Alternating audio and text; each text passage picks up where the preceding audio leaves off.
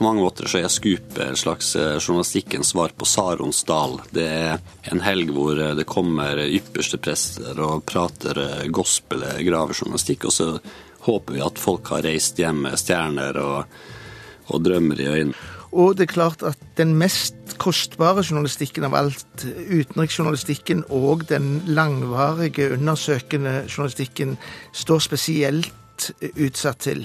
Det er jo eh, da noe vi er stolte av når vi kan gjøre den type, lage den type journalistikk. Eh, fordi vi føler at vi da har gjort et eller annet som setter varige spor etter seg. Kurer. NRK P2. Med en hverdag i media med hyppige nedskjæringer i budsjett og journaliststillinger, kan man spørre seg om det fremdeles er tid og penger til å bedrive undersøkende, uavhengig, kritisk journalistikk. Går vi inn i en fremtid der media ikke lenger er der for å avsløre maktmisbruk og andre kritikkverdige forhold, og oppfylle sin rolle som den fjerde statsmakt? Svein Egil Omdal er kommentator i Stavanger Aftenblad. Han har lang fartstid i norsk presse, og liker ikke det han ser utvikle seg i media her til lands. I øyeblikket står det ganske urovekkende til. Eh, den er veldig hardt pressa. Nå ser jeg at lederen i Norsk Journalistlag, eh, Thomas Benn, sier at det kanskje er den verste krisen for norsk presse noensinne denne våren. Og jeg tror at han kanskje har sine ord i behold, hvis en ser bort fra akutte kriser som okkupasjonen så er det sånn at uh, de fleste redaksjonene er kraftig desimert etter finanskrisen, og nå kommer det da en, en ny runde som kanskje er like sterk som den som avisen hadde i 2009.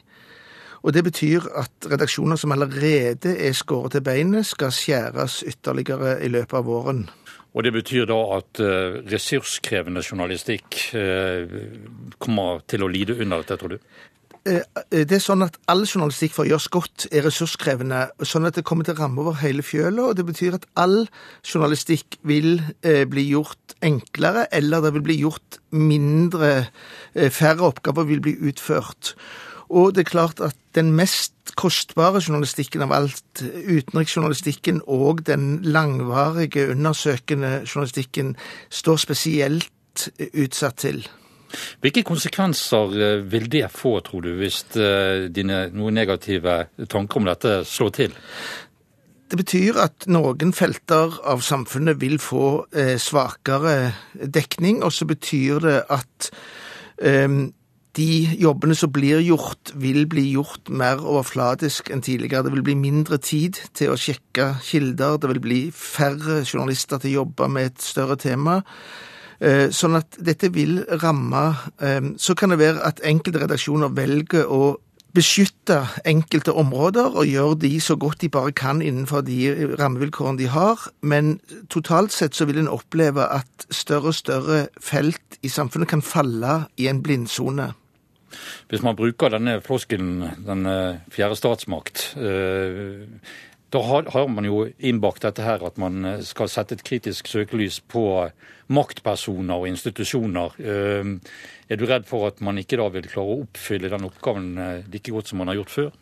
Ja, ikke minst fordi at samfunnet samtidig blir mer komplisert, og at maktpersonene omgir seg med et tjukkere og tjukkere lag av PR-rådgivere og konsulenter som skal nettopp hindre dette offentlige innsynet. Sånn at når balansen mellom eh, informasjonsrådgivere og journalister blir forrykka i journalistikkens disfavør, så vil det nødvendigvis føre til at den kritiske journalistikken ikke trenger så langt inn i maktens kjerne som den burde. Eh, finnes det noen redning for, eh, for denne gravejournalistikken, tror du? Kan den f.eks. få penger eh, fra andre steder enn det mediet som journalistene representerer? Akkurat den undersøkende journalistikken er den som tjener aller mest, tror jeg, på å være i et redaksjonelt miljø. Du kan helt sikkert få, og forhåpentligvis få, eh, eksempler på at fonds eller andre finansierer denne type journalistikk. Men eh, det å ha en langvarig kompetanseoppbygging, det å ha nettverket i en redaksjon, det, det kan ikke undervurderes, det kan ikke overvurderes. Sånn at eh, jeg er redd for at eh, selv om vi kan få enkelte tilfeller av eh, ekstern finansiering, så eh, må det være den interne økonomien i mediene som må bære mesteparten av den kritiske journalistikken. Men hvor villig tror du uh, medieeierne er til å, å, å, fortsette å sprøyte kapital inn i denne type prosjekter, når, når, de, når de, er uh, skåret inn til beina økonomisk? Jeg tror at mange aviseierne i Norge er klar over at ved å svekke journalistikken, så sager de òg over den greina som de sitter på. Jeg, jeg tror at uh, både Skipsted, Amedia og de andre konsernene vet at jo mindre vesentlige avisene blir for leserne, desto eh, svakere vil eh, interessen for å bevare avisene være. Derfor så tror ikke det er av eh, noen vond vilje dette skjer, men at en har en så tung strukturell endring i medieøkonomien, og den skjer så raskt, at på kort sikt så vil medieeierne eh, kutte i redaksjonene selv om de innerst inne vet at det utsetter de for en mer langsiktig fare. Men er du personlig pessimistisk når det gjelder dette? På kort sikt er jeg pessimist, men samfunnet kan ikke fungere uten journalistikk. Derfor er jeg nokså sikker på at journalistikken må gjenoppfinne seg sjøl på en eller annen måte, og at en i framtiden vil ha antagelig mer journalistikk enn en har i dag, men den vil formodentlig være organisert og finansiert på en annen måte enn den har vært hittil. Så vi må gjennom denne krisen? Det virker sånn. Eh, den krisen som rammer i år, er jo litt overraskende fordi at eh, det, det, var ikke noen tegn i fjor på at uh, norsk medieøkonomi skulle gå på en sånn smell som det ser ut til at spesielt avishusene har gjort nå i vår. Sa kommentator Sven Egil Omdal i Stavanger Aftenblad. Odd Isungset er leder for Brennpunkt-redaksjonen i NRK, et program med en halv million seere.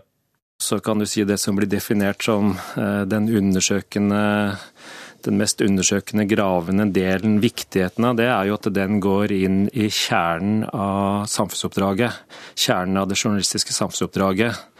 Som altså er å undersøke hva som skjer i samfunnet, avdekke kritikkverdige forhold, avdekke makt og maktmisbruk, eh, ja, osv. Nå hevdes jo at eh, ressursene blir mindre og mindre når det gjelder eh, gravejournalistikk. Den, den virkelig undersøkende journalistikken har på kår, etter det som blir hevdet fra avisene, i hvert fall. Har du noen tanker om hvordan man kan finansiere det hvis media sjøl ikke har råd til det? Nei, jeg mener utgangspunktet at mediene må finansiere dette sjøl. Og så er det klart at den er, altså, Denne type journalistikk er for så vidt under press nå. Medieøkonomien er under press. Men samtidig så syns jeg jo at jeg ser nå rett i bakkant av Scoop-seminaret f.eks. at eh, det blir drevet veldig mye god gravende journalistikk.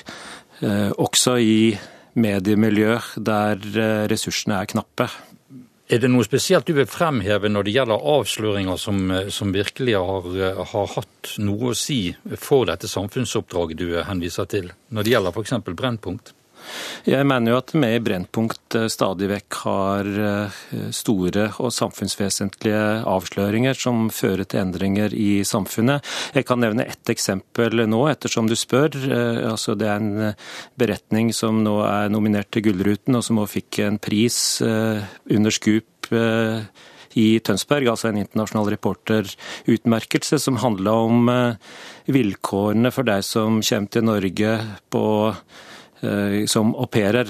Og der eh, Brennpunkt avdekker et eh, grovt misbruk av aupairordningen og en grov seksuell misbruk av flere av de som kommer hit som au pairer. Og denne denne historien som vi sendte i, i, fjor vår, førte jo da faktisk til en lovendring.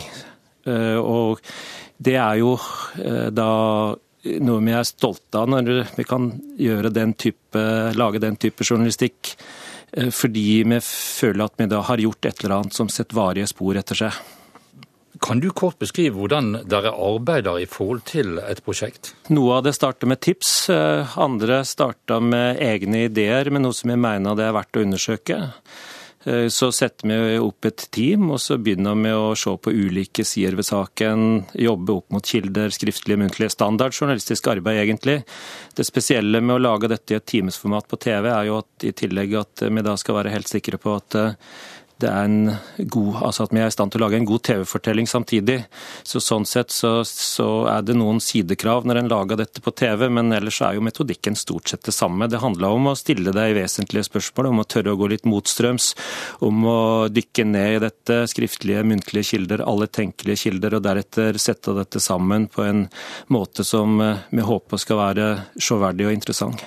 Eh, hvis vi vender tilbake til økonomien, eh, som er et sårt punkt for eh, mange redaksjoner, så har det jo i utlandet i hvert fall vært snakk om Ja, du har filantroper som har steppet inn, og du har også fond som er laget for, for den type journalistikk vi, vi snakker om her. Tror du det er fremtiden? Det er jeg usikker på. Altså, jeg syns jo det er er en slags fallitterklæring, eh, hvis ikke mediene har råd til dette sjøl. Samtidig så er det klart at eh, når den situasjonen har oppstått, så er de betenkningene som har kommet opp mot innretningen av pressestøtten, interessante. Altså, Er det riktig at pressestøtten skal gå til å, til å trykke papiraviser, eller til relativt uh, tynt Eh, innhold, eller kan en lage en innretning på pressestøtten som gjør at den faktisk fremmer kvalitet. Men jeg ser en lang lang rekke med ganske store prinsipielle problemstillinger knytta opp mot at dette f.eks. skulle være et statlig fond, eller at det skal være stiftelser, eller hva det måtte være. Eh, det, gir med en eller annen slags litt sånn skal jeg si det, en litt sånn forunderlig avsmak, sjøl om vi jo i lang tid har sett noe av det samme innenfor filmområdet. For eh, innenfor filmområdet så er det jo denne type finansiering.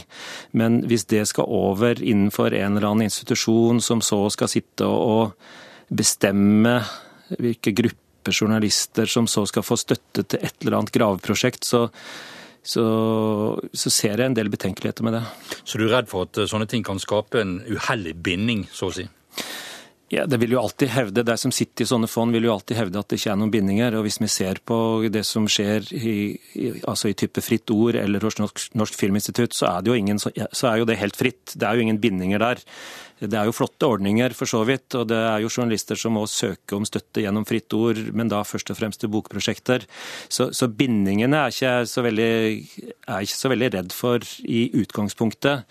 Men det er et eller annet prinsipielt med hvis dette skal liksom altså, være forankra hos den staten som vi i prinsippet skal være kritiske til, da, så, så, er det noe der. Er du optimistisk eh, når det gjelder fremtiden til eh, den type journalistikk? Ikke optimistisk, men jeg vil ikke være så veldig pessimistisk heller. Altså, jeg tenker at uh, når jeg reiser rundt på seminar og ser eh, metoderapporter, ser hva som blir levert, ser hvor mye god journalistikk som blir laga, så er det grunnlag for, for, å være eh, delvis optimist. Samtidig så er det jo mørke skyer, veldig mørke skyer akkurat nå når det gjelder finansieringen. Altså kvaliteten er for så vidt under press.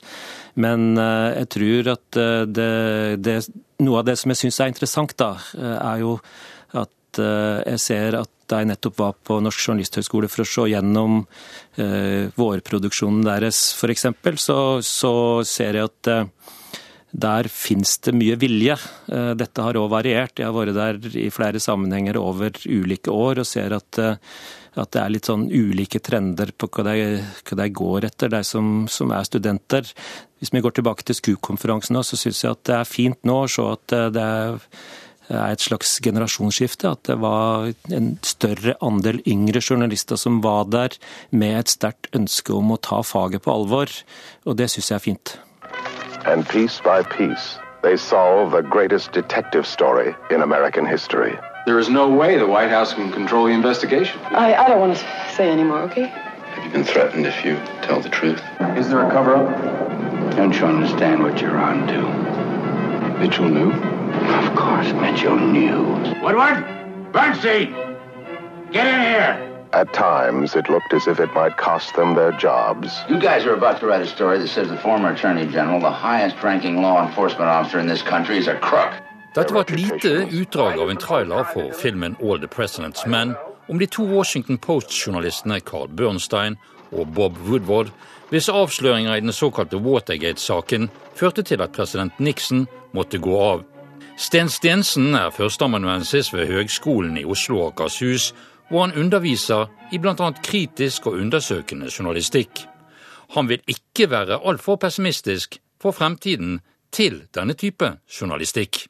Jeg syns ikke det er så galt fatt. Eh, det er Altså, man skulle jo tro at eh, med all den nedskjæring vi har sett i norsk presse de siste årene, og den eh, økonomiske situasjonen som norsk presse er i, at denne type journalistikk skulle ha blitt skadelidende. Fordi det er en ressurskrevende form for journalistikk. Men mitt inntrykk er at så ikke har skjedd, og det ser vi også på hvor mange redaksjoner som sender inn bidrag til Scoop-konferansen f.eks. Det er ikke noen nedgang der. Eh, og det har også noe med at nettet i stadig større grad blir brukt som en arena for undersøkende journalistikk. Og det er jo en arena som egner seg ekstremt godt, særlig til presentasjon av undersøkende journalistikk.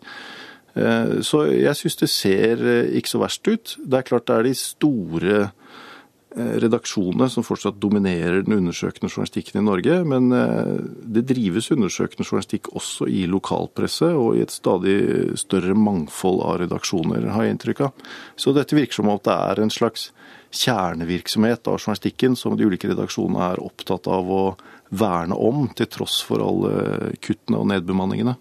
Så du er ikke bekymret eh, for, for fremtiden for, for, denne type journalistikk? Eh, nei, eh, egentlig ikke. Og det er litt fordi det er såpass mye prestisje knyttet til denne type journalistikk. Det er så tett knyttet opp mot det journalister oppfatter som sitt samfunnsoppdrag, og det som er pressens sentrale samfunnsrolle.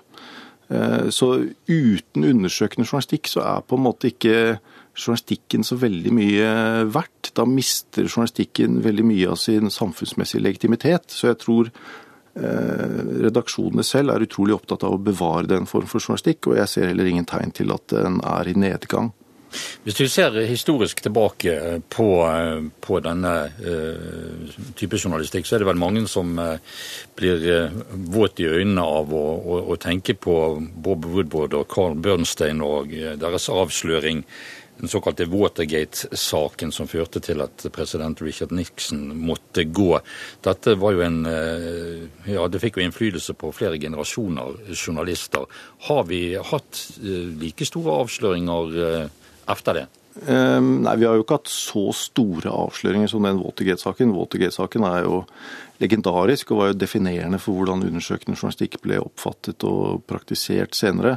Men den undersøkende journalistikken har jo endret seg veldig etter det, og vi ser en helt annen form for undersøkende journalistikk nå enn det, enn det Watergate-saken var. Eh, men det, det er jo i, i, nyere tid i Norge noen saker som kanskje har skapt en slags presedens for hvordan vi oppfatter og forstår undersøkende journalistikk i Norge. Eh, og da tenker jeg i nyere tid, kanskje særlig på Dagens Næringslivssak om eh, Kjell Inge og både den såkalte båtsertifikatsaken, eh, som jo fikk veldig mye oppmerksomhet, som et eksempel på en sak som fikk stor betydning.